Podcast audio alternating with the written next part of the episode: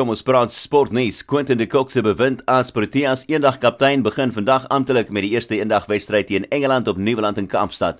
Na Suid-Afrika se mislukte Wêreldbeker veldtog waar hulle sewende geëindig het in Engeland verlede jaar, is hierdie 'n periode waar Suid-Afrika weer moet opbou en de Kock moet die Proteas weer 'n kredietwaardige span maak.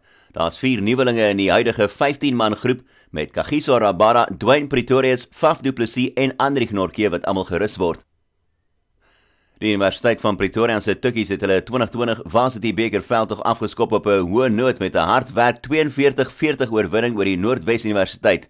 'n Skare van 15800 was daar gewees om te kyk hoe die Maties die besoekende Shimlas vernietig met 60-16.